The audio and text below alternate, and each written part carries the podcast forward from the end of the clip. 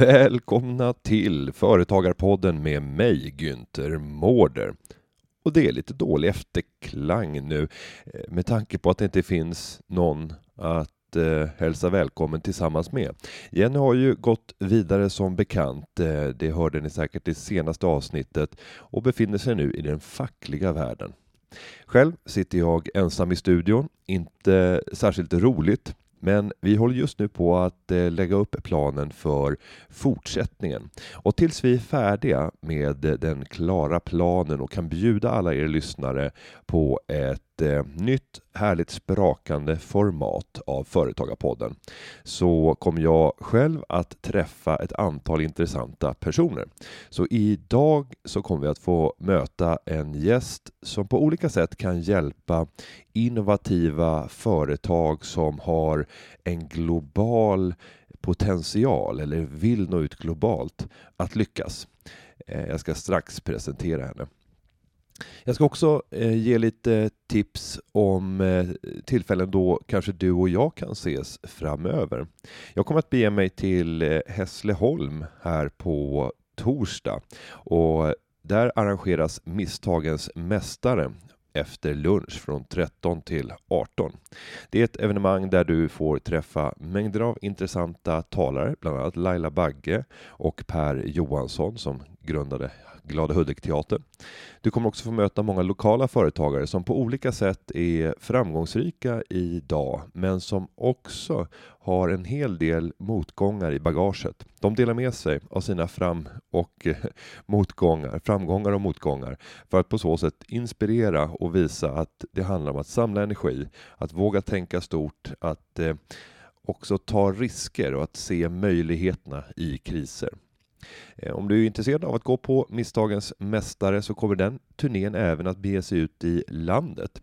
Så går du in och googlar på Misstagens Mästare så kan du se om, den kommer, om turnén kommer nära din ort. Helgen kommer jag att fira tillsammans med socialdemokrater. Eh, då äger Socialdemokraternas kongressrum från eh, lördag till onsdag och eh, lördag, söndag och måndag kommer jag att vara på plats och på söndag ungefär klockan 11 så kommer jag att jag, tala på, på Socialdemokraternas kongress. Veckan efter så eh, finns det inte speciellt stora möjligheter att få träffa mig ute på på fältet. Däremot eh, veckan som kommer efter påsk så beger jag mig till eh, Västerås den 21 april för att eh, tala på Bilia i, eh, och eh, kommer att prata rätt mycket om digitalisering och hur man tillvaratar potentialen i eh, digitaliseringen. Sen torsdagen den 20 eh, april så leder jag Sharing Economy and Earnings on Demand Industry Talks som är en eh, branschdag och inspirationsdag eh, för alla som är verksamma på något sätt inom delningsekonomi och har att hantera de nya utmaningar och möjligheter som den nya ekonomin bjuder på. Ehm, ni kan eh, lätt googla på det och se om ni är intresserade av en hel dag med eh, både diskussioner kring de regulatoriska delarna men också kring affärsidéer och möjligheter att kunna starta upp bolag som kan dra fördel av det här. Så med det så har jag redogjort lite grann för min kalender inför alla era lyssnare och eh, det har blivit dags att introducera vår talare för dagen. Men innan dess så ska jag säga att fortsätt gärna skicka in eh, frågor till podden eller synpunkter och idéer kring vad ni skulle vilja ha med. Och det gör ni ju som vanligt på hashtag företagarpodden med ö. Och man kan också gå in på företagarpodden.se där kan ni eh, använda formuläret om ni vill skicka in lite längre frågor där ni behöver beskriva ert, ert case lite bättre. Så där är ni också varmt välkomna att skicka in era frågor. Men med det så ska vi få träffa en eh, kvinna som under de senaste fem åren har hjälpt svenska företag att etablera sig i Silicon Valley. Hon heter Ann Lidgard och eh, här är intervjun som jag gjorde för bara några dagar sedan under Åre Business Forum. Varsågoda. Men nu säger jag välkommen till Ann Lidgard som är en nestor i Silicon Valley. Tack ska du ha. Och eh, om vi bara ska börja, för jag tänkte att vi ska få en liten bakgrund och förstå din resa dit du är idag. Eh, vad heter din, din titel i dagsläget? Min titel i dagsläget är Director of Vinnova, the Silicon Valley Office. Det är tungt. Ja.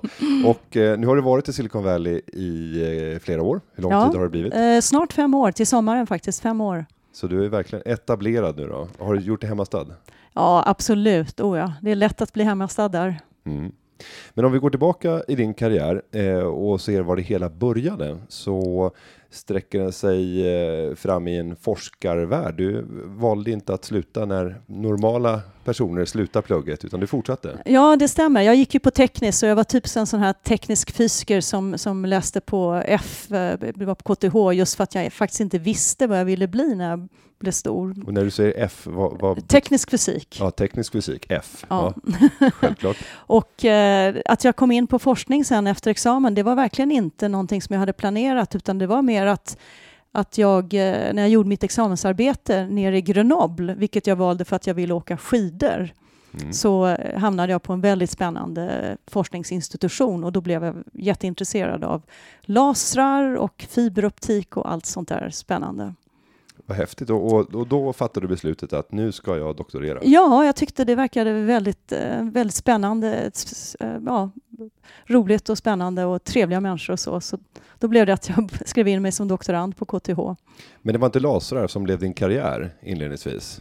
Nej, alltså, tid, jo, men alltså lasrar och eh, fiberoptik då. Mm. Jag höll på med, med fibrer som kunde mer eller mindre lasra, åtminstone var förstärkare då åt eh, telekomsignaler, optiska telekomsignaler. Och kom naturligtvis in i det viktigaste företaget i branschen i Sverige.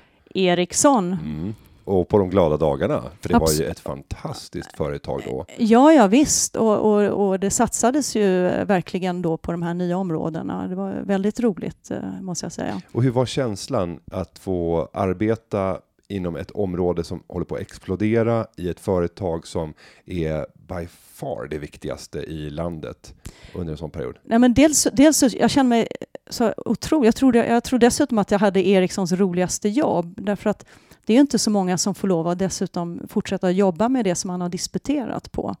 Det är rätt ovanligt. Eh, sen så, Ericsson är ju, tycker jag, har varit en fantastisk eh, skola eller, eller vad ska jag säga, ställe där man kan få utvecklas. Så att efter några år så kände jag som, nej men nu, nu, jag skulle ju inte bli forskare. Eh, jag vill ju göra andra saker och det var ju då som GSM på allvar exploderade. Det var, här var ju tidigt 90-tal, 93, 94, 95.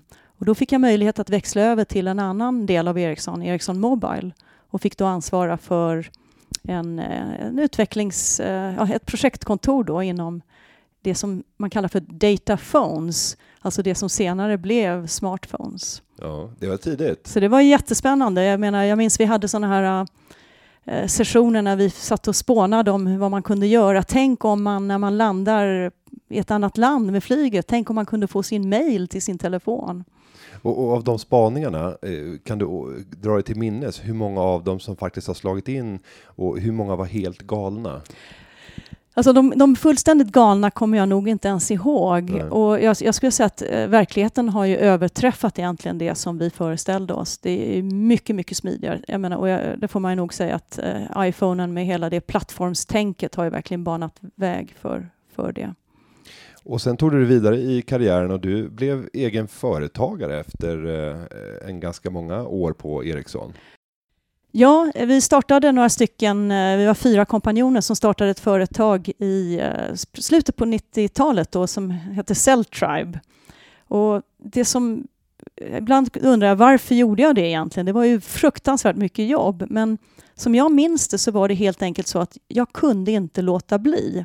Som eh, de flesta vet så var det ju oerhört dynamiskt då i Stockholm. Och Eh, det här var 1999. 1999, Det kunde ja. inte bli hetare. Nej, det, det var he- helt otroligt. Och jag hade då ett jobb för ett amerikanskt företag som heter GeoWorks jag var deras europeiska säljare så att jag flackade runt där i, och besökte de flesta mobiltillverkare i Europa.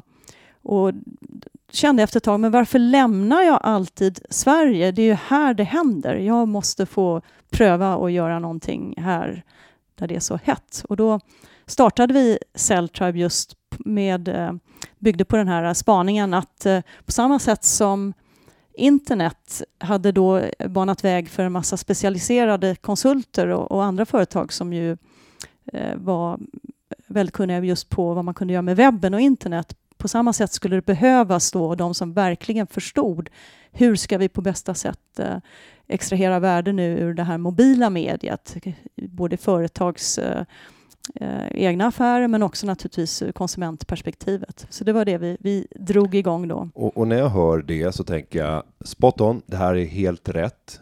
Det här måste ha blivit hur stort som helst. Eh, men det hände ju saker efter 1999 som försvårade omständigheterna. Ja, alltså det var ju otroligt hett och vi fick eh, först fantastiskt bra vind i seglen. Vi hade inga problem att eh, stänga vår första, eh, ska man säga, såddfinansiering då, första emission. Vilket gjorde att vi kunde sätta igång och anställa folk och det var fantastisk fart och hög energi. Det vi inte riktigt hade räknat med det var ju att, att marknaden var så seg att komma igång. Och, och det tror jag är en, eh, ganska bra att tänka på om man är själv nu funderar på startup så här. Det är, är marknaden verkligen mogen för det ni har tänkt er? Eller åtminstone se till att validera det innan ni drar på er en massa marknadsföringskostnader. För att det är otroligt dyrt att vara eh, first mover. Eh, jag tror, det var ju som många minns så, så var det ju en, någon slags nästan masshysteri på den tiden.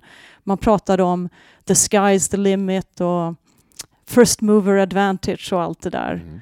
Uh, jag tror att vi hamnade snarare i first mover disadvantage. I synnerhet sen när, när kapitalmarknaden fullständigt, uh, alltså det blev ju atomvinter sen efter uh, bo.com-kraschen då i, i mars 2000. Så att, det var, ja. Och ni hade planerade rundor framåt, för ja. den första skulle inte ha räckt? Den första skulle inte ha räckt, utan vi hade en plan där vi skulle bli kassafl- alltså positiva då, lönsamma efter tre år möjligen. Vi skulle ju bygga eh, marknadskanaler ut i Europa där de stora eh, marknaderna var. Vi skulle ju ta spetskompetens från Sverige och andra nordiska länder. Vi låg ju så långt framme på den tiden. Mm. Och det var ju många spännande små företag som dök upp. Men eh, det var ju väldigt, det var ju sådana små spetslösningar så vår spaning var ju att det kan man inte bygga ett helt företag på, bara en sån liten lösning. Mm. Men, så vi skulle kunna vara då de som, som såg till att samla det här och sen föra ut det till de stora marknaderna. Och när ni ser att eh, kapitalmarknaden börjar sina, det kommer inte gå att kunna finansiera det här till, till full eh, skala. Eh, när vågar man fatta beslutet om att nej, det här kommer inte att kunna gå i mål? Alltså det där är ju jättesvårt och jag, jag eh, alltså vi trodde ju, vi förstod ju inte att det var sån kyla på, att, att kylan skulle vara så länge, att den, att den varade ju sen i flera år ju. Så att vi fortsatte ju och, och det är möjligt att vi, vi slutade, vi, jag tror att vi blev 50 anställda eller något sånt där. Vi hade kontor i, i eh, Stockholm och Lund och i eh, eh London och Madrid. Eh, hypotesen på den tiden det var ju att, att eh, det gällde att se till så man behöll en schysst värdering om man sen skulle gå in i nästa eh, kapitalanskaffningsprocess. Så, så att bara skära ner då direkt till tre personer det, det, var väl varken någonting som vår styrelse eh, rådde oss till eller vi själva som, som var i ledningen. Så här i efterhand så kanske det är det som vi skulle ha gjort om vi skulle ha överlevt. Mm. Å andra sidan hade då var, det varit ett helt annat bolag än det vi egentligen ville bygga. Så att vi körde på ända in i kaklet kan jag väl säga. Det är klart att vi inte fortsatte att expandera för det hade vi inte pengar för. Men, men eh, det var en väldigt tuff period kan jag säga. Och, och hur ser kaklet ut när man eh, närmar Nej men, nej men då, då, är det faktum, vi kan inte betala arbetsgivaravgifterna. Det, det, är slut nu. Ja. Och som en eh, kanske lustig liten parentes, vi hade ju eh, en relation, eller i alla fall en, en ganska långt gången diskussion med en av de nya eh, 3G-operatörerna som då var på väg in eh, på den svenska marknaden och som var beredda att eh, köpa loss oss då. Då hade vi ju sluppit konkurs. Mm. Eh, och allting, vi var överens om pris och de skulle då få en ganska stor eh, kundbas som de skulle kunna börja träna 3G-tjänster på. Men de hade ingen ekonomiavdelning än, Oj. så de kunde inte betala ut pengarna. Mm. Och sen kom, eh, vad är det, tolfte i månaden och eh, Mm. ja, konkursen var ett faktum. Känslomässigt, en sån gång. Hur känner man då? Nej men det var ju, jag var ju helt slut och eh, väl, allt, väl, väldigt ledsen Ja. också. Och det var till och med så att eh, sista perioden så gick min, eh, en, av min, en av de andra grundarna in som VD istället för mig för att jag Mm. orkade inte längre. Eh, nej men det var väldigt så, och, och det som var oerhört deprimerande precis efter som gjorde att man var kvar i det där, det var ju den här eh, situationen med konkursförvaltaren Mm. som ju eh, tog oändligt lång tid och det var en väldigt seg process. Och jag blev ju, jag står där på kontoret och försöka sälja av datorer och eh, möbler bara för att minska den personliga skulden. Som jag, satt, jag hade ju borgen eh, i banken Mm. för eh, hyror och sådär.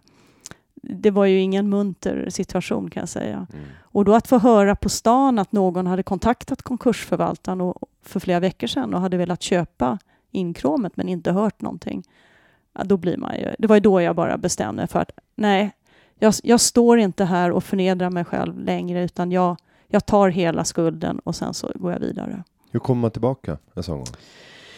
Ja, alltså det, det var ju en period eh, naturligtvis när jag var rätt trött men eh, jag hade ju stora, faktiskt väldigt eh, lyckosamt väl, fantastiskt glad för det, att jag satt i styrelsen då för ett, ett bolag som heter Onoterat. Och jag fick då möjlighet att börja jobba med dem operativt, fast bara några dagar i veckan. Och det var ett väldigt bra sätt för mig att, att komma igen. Och då samtidigt ha egen tid i veckan, långa promenader.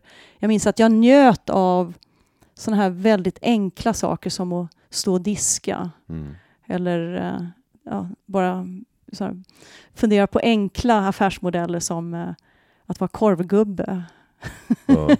Men det var ingenting du re- realiserade? Nej, det var det Nej. inte. Men, men det var, men, och sen så fick jag ju, sen kom jag ju, jag menar, sen kom energin tillbaks. Mm. Och den energin, vad gjorde du av den? Ja, först så, så eh, var jag med eh, som partner i ett eh, jättespännande företag som heter The Seven. Vi kallade oss för Venture Catalysts. Mm. Och eh, tanken där var ju att eh, gå in med kanske lite, lite smörjmedel, lite kapital, men framförallt gå in med, eh, med, med eh, våra erfarenheter och eh, hårt arbete och eh, titta på en del företag som kanske behövde någon turnaround eller som var i stark förvandling och så. så att, Och meningen var att ni skulle köpa in er då?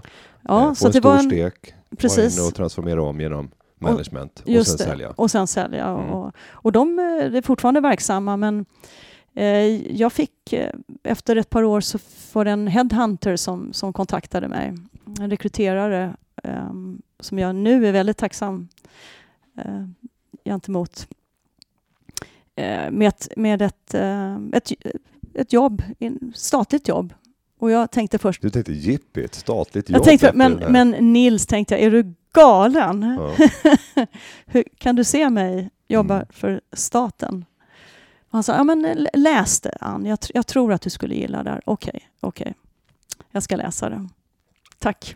Mm. Eh, och eh, ja, det ena ledde till det andra. Nu har jag jobbat på Vinnova i 11 år. Mm. Men det var ett fantastiskt, alltså jag ska säga det vad det var. Det handlade då om att eh, gå in och utveckla ett nytt program då. Jag skulle vara bi, vice programledare eller biträdande programledare. Ehm, eh, ett nytt program som eh, vars syfte var att se till så att universiteten var bättre rustade att hjälpa forskarna som ville kommersialisera eh, sina upptäckter. Och, och om vi st- stannar upp och Mm. tittar bara på Vinnova Mm. för att förstå vilken funktion ska Vinnova fylla? Vad är uppdraget? Nej, men, eh, Vinnovas eh, övergripande uppdrag det är ju att öka Sveriges innovationskraft för eh, samhällets bästa och för hållbar utveckling. Och vårt, det sätt vi gör det på det är genom att vi har en, en relativt stor bidragsbudget. Då. Och vad det betyder det är att, att vi, det innebär så att vi, vi har utlysningar och då kan eh, företag eh, i olika konstellationer, forskare, det beror lite grann på vad det är för, för slags utlysning. Då kan man skicka in ett eh, projektförslag och sen så har vi en ganska omfattande, om det är stora pengar, eh, eh, bedömningsprocess, eh, externa bedömare och sen så delar vi ut bidrag. Då. Så vår avkastning, vår return on investment när det gäller Vinnova, det är ju att det naturligtvis ska bli en positiv ekonomisk utveckling i Sverige. En förnyelse av industrin så att vi kan fortsätta att ha bra sjukvård och mm. äldreomsorg och allt det där, skolan. Men, men om man då ska försöka eh, mäta resultaten, för det här är ju svår materia att, att ta på. Vad är svensk mm. konkurrenskraft, mm. innovationsförmåga?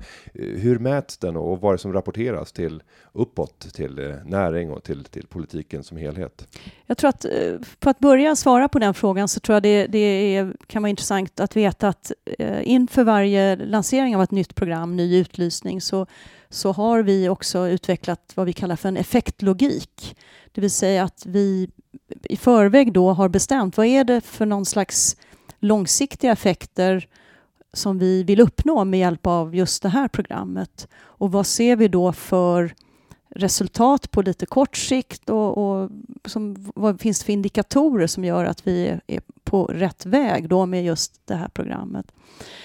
Och, och om man ska räkna verkligen i kronor och ören så, så eh, med, med den typen av insats som vi gör så, så går det inte att se resultatet efter bara ett år eller två år. Då är det mer hur stort är intresset för det vi gör och eh, lite andra mätetal. Det, är ju det handlar egentligen inte om vad, vad, resultaten och effekterna är. Men vi är ålagda och, och genomför det också eh, regelbundet varje år. Eh, titt, den här typen av, av långtidseffektsanalyser då, som tittar efter fem år eller efter tio år. Och där eh, har ju det visat sig att det har väldigt stor inverkan. Eh, de, det är väl investerade mm. kronor det som, som läggs i Vinnovas budget. Det är många multiplar som, som det ger igen. Och, och det, det, som gör att det går lite lättare att mäta är väl att mm. man kan titta på objekten alltså företagen som genomgår programmen, ja. vilket underlättar. Oh ja, så att man tittar ju både på, har det blivit nya produkter och tjänster? Har man ökat antal anställda? Har eh, omsättningen naturligtvis. Men i, i många program så handlar det också om att se till så att vi förblir relevanta för storföretagen att fortsätta att ha FoU här i Sverige. Mm. Och då är det i vissa fall så handlar det mer om djupintervjuer med de som fattar den typen av beslut. Eh, har det här varit viktigt för era strategiska beslut att fortsätta att behålla en så pass omfattande eh, FoU-verksamhet till exempel i, i, den här regionen och så. Eh, och det, det, är ju verkligen entydigt att det, Sverige måste fortsätta att investera på det här sättet om vi ska förbli relevanta för de stora globala, globala talangflödena här i, i framtiden. Och det, och det, är oerhört viktigt. Men om det nu sitter företagare och lyssnar på det här och det är rätt många eh, och sen så börjar man fundera för vem eh, kan det vara relevant att eh, börja titta vad, vad Vinnova skulle kunna vara med och göra och hur man kan bli antagen till ett program. För vilka är det som man främst bör så att säga, öppna ögonen och faktiskt börja titta på vad Vinnova kan göra? Ja, men för det första så skulle jag verkligen råda eh, er där ute att eh, gå till vår hemsida och eh, läs vad det är för typ av utlysningar som är aktuella just nu. Vi har eh, just den här typen för, som kallas för innovativa projekt i företag. Oerhört eh, Um, enkel ansökningsprocess så att man behöver absolut inte vara rädd att man måste skriva en massa sidor och att det är byråkratiskt och så utan gå in och kolla och, och se om det passar er. Det som är viktigt är ju att eh, för vår del, man ska tänka det här är ändå våra skattepengar. Det, det måste ju göra någonting som, som verkligen eh, leder till att eh, eh ditt företag eh, som blir mer konkurrenskraftigt och, och, får den tillväxt som, som eh, vi alla hoppas då. Så att innovativa projekt, det får inte bara vara business as usual utan det ska vara någonting. Vi måste känna att våra skattepengar verkligen gör skillnad. Som, Och, och finns det en samhällsnyttoaspekt i det här? Jag sitter och funderar på om man är ett, ett spelbolag som gör eh, mobilspel. Kan, kan det vara föremål? ja, absolut. Oh, ja. Mm. Det, vi har många behöver- sådana projekt som vi har finansierat. Så man behöver inte tänka att det ska vara eh, så att säga, en, en, eh, någonting som stärker hälsan eller skolan eller förändrar förutsättningarna för liv i Sverige. Nej, det, det måste inte bara vara den Nej. där typen av ädla Mm. högre syften, utan det handlar... Ja. Om vi säger så här, större delen av vår portfölj, jag, jag minns faktiskt inte om det är 80 procent nu eller vad vi har sagt, ska vara ehm, grön, gröna projekt. Sen så får det gärna vara, eh, de här 20 procent får inte vara bruna, det är inte Nej. det jag menar, men de kan vara neutrala. Och kan man säga någonting om den typiska deltagaren i eh, de olika program som ni gör? Alltså, man kan inte prata om en, en typisk deltagare i, i, eh, som, som skickar in projekt till våra utlysningar, utan det är en oerhörd bredd som vi täcker in med våra utlysningar.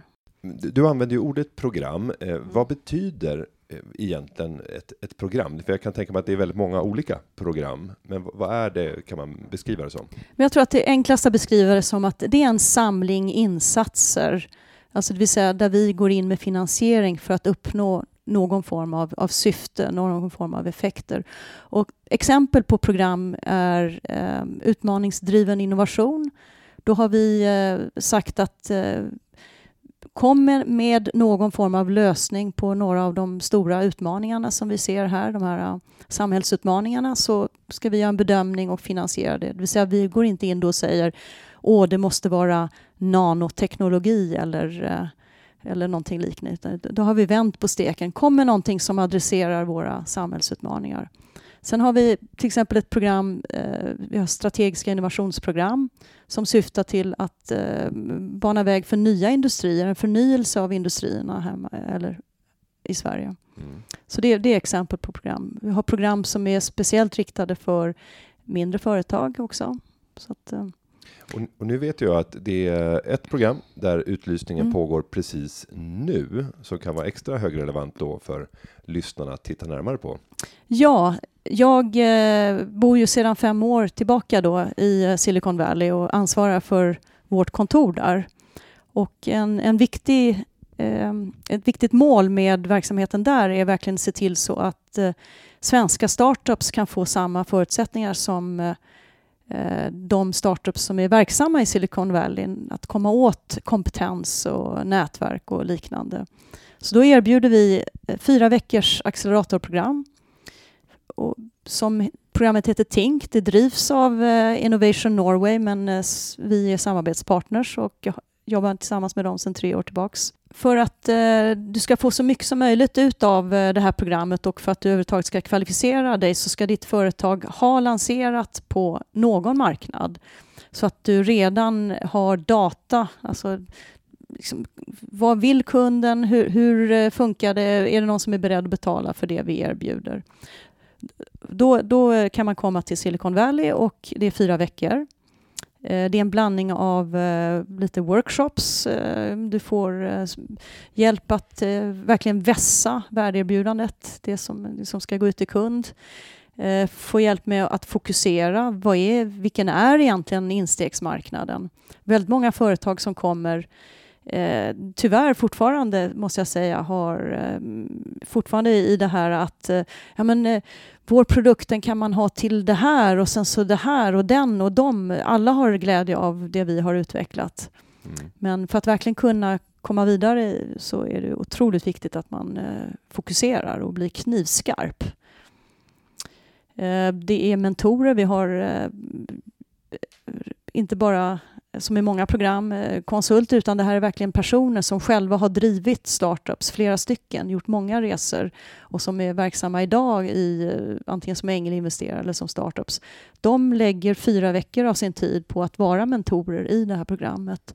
Eh, men sen handlar det om, precis som Steve Blank säger, ut ur huset här. Ni ska träffa och ha så många möten som möjligt just för att kunna validera tänket och, och sen kunna ha en bra plan för att, att ta det vidare. Ja, nej men in och eh, titta på vinnova.se eller? Ja, och Mm. f- eh, programmet heter TINC, T-I-N-C. Och eh, sista anmälningsdatum är 22 maj. Mm. Och sen genomförs det till hösten eller? Ja, just det. Det, det är i höst. Ja. Mm. Så det är först en kick-off i Oslo i eh, september och sen så eh, startar det i eh, mitten på oktober. Och jag kan tänka mig att ett stort värde i sånt där program är ju att träffa de andra företagen som blir utvald från Ja. övriga Norden. Ja, det är fantastiskt. Det här är nästan det roligaste vi gör där på Nordic Innovation House. Då är det 10 företag, 10-11 företag, eh, gärna två personer från, från varje eh, startup då. Och eh, just den här, eh, det man kan hjälpa varandra med, alltså den här, eh, alla har ju fantastiska erfarenheter som de kan bjuda på och eh, det är verkligen, det surrar och bubblar på huset då. Men om vi går då till Silicon Valley och eh, försöker få ut lite erfarenheter och kunskaper eh, som du har fått av alla de företag du har sett komma dit. Eh, svenska företag som har velat etablera sig. Eh, vilka typer av företag är det som lyckas etablera sig och vilka lyckas inte? Finns det något generellt man kan säga? Jag tror att för det första så måste man verkligen eh, tänka rätt stort. För om man ska, åtminstone om man vill söka kapital i, i Silicon Valley. Det, det, man ska förstå verkligen vad, vad är det som VC-marknaden kräver där. Det är ingen idé att komma dit med en modest affärsidé, utan det är lika bra att, att sikta högt. För det, det, är ju, menar, det är det som en VC-firma vill, vill investera i. Mm. Men, men det handlar också om att, att eh, se till att ha tempo, att, att, inte, att liksom göra, testa, testa, testa. Var inte rädd för att misslyckas. Alltså, man pratar om att eh, det finns inga misslyckanden, det finns bara eh, lärdomar. Okej, Okej, då vet vi, då, det funkar inte, utan då tar vi nästa hypotes och så försöker vi validera det. Eh, det handlar om att eh, verkligen eh, liksom vara öppen också. Prata med många om det du vill göra. Det, det är först då du också kan, kan hitta rätt folk eventuellt att rekrytera eller eh, få napp.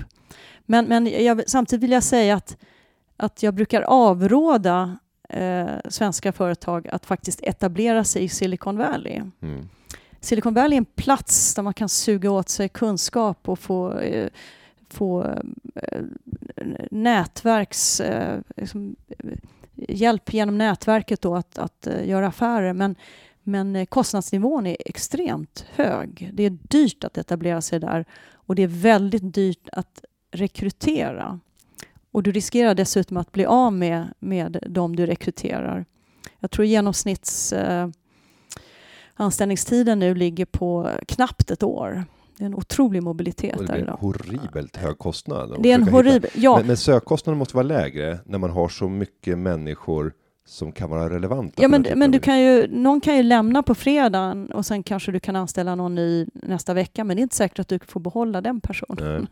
Så, det, det, så svenska företag som har utveckling hemma i Sverige brukar jag definitivt råda att behålla utvecklingen så länge som, som det är affärsmässigt eh, relevant hemma i Sverige och se till att att väx eh, som på båda ställena då.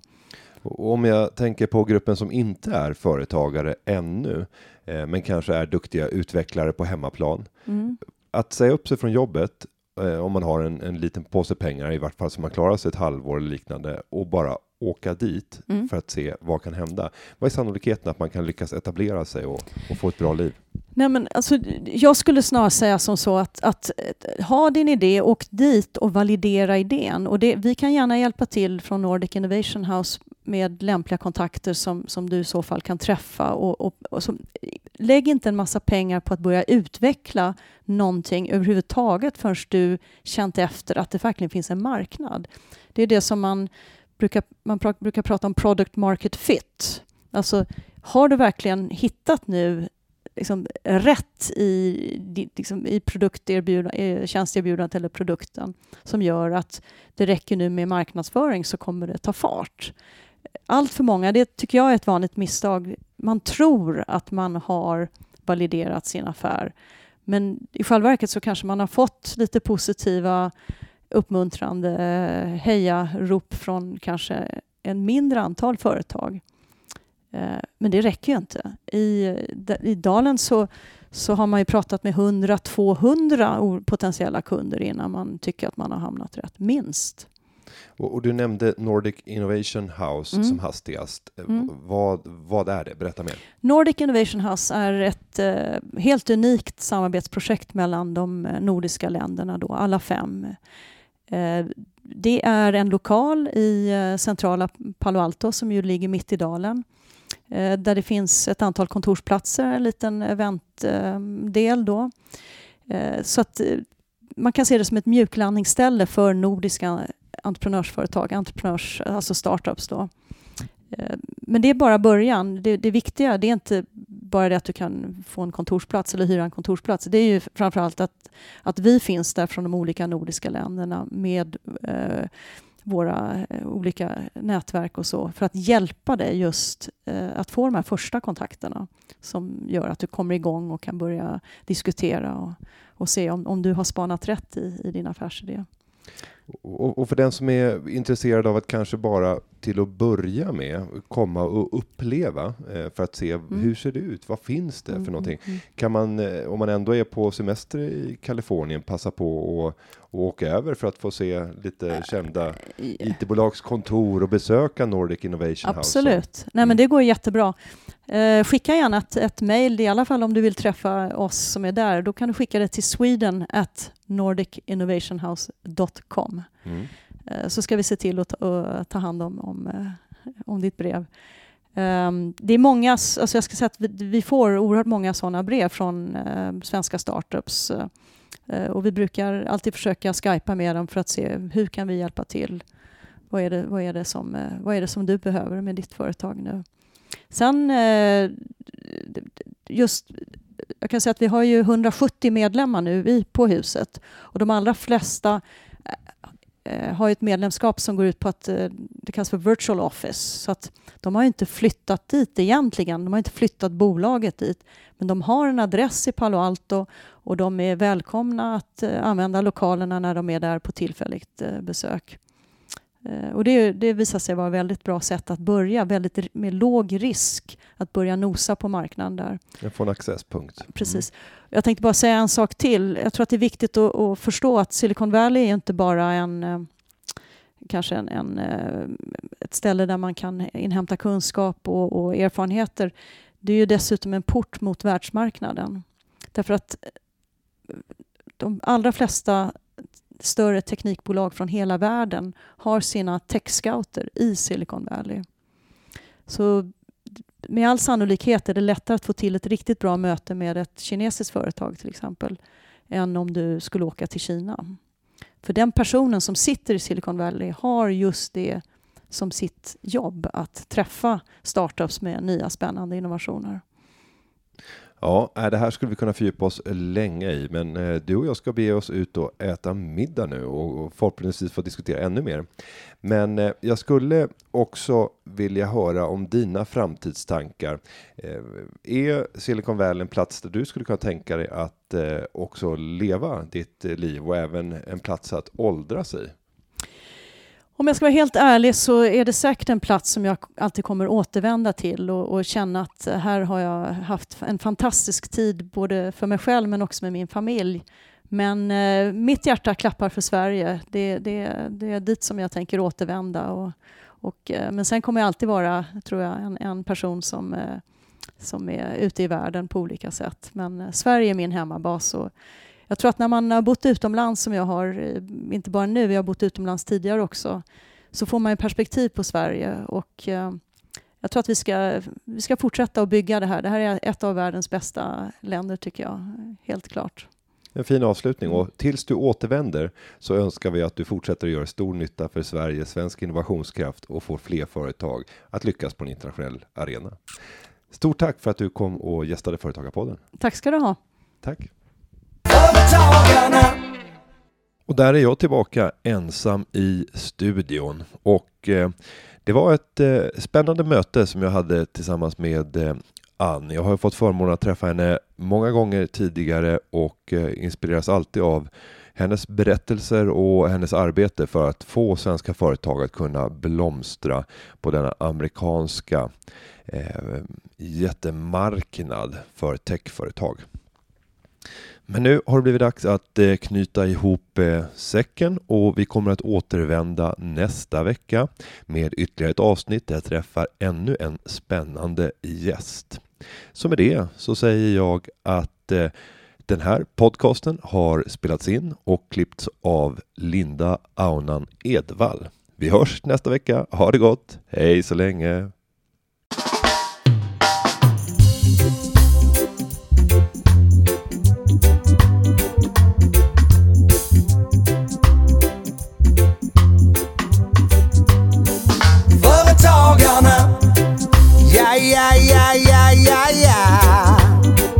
Företagarna. Ja, ja, ja, ja, ja, ja.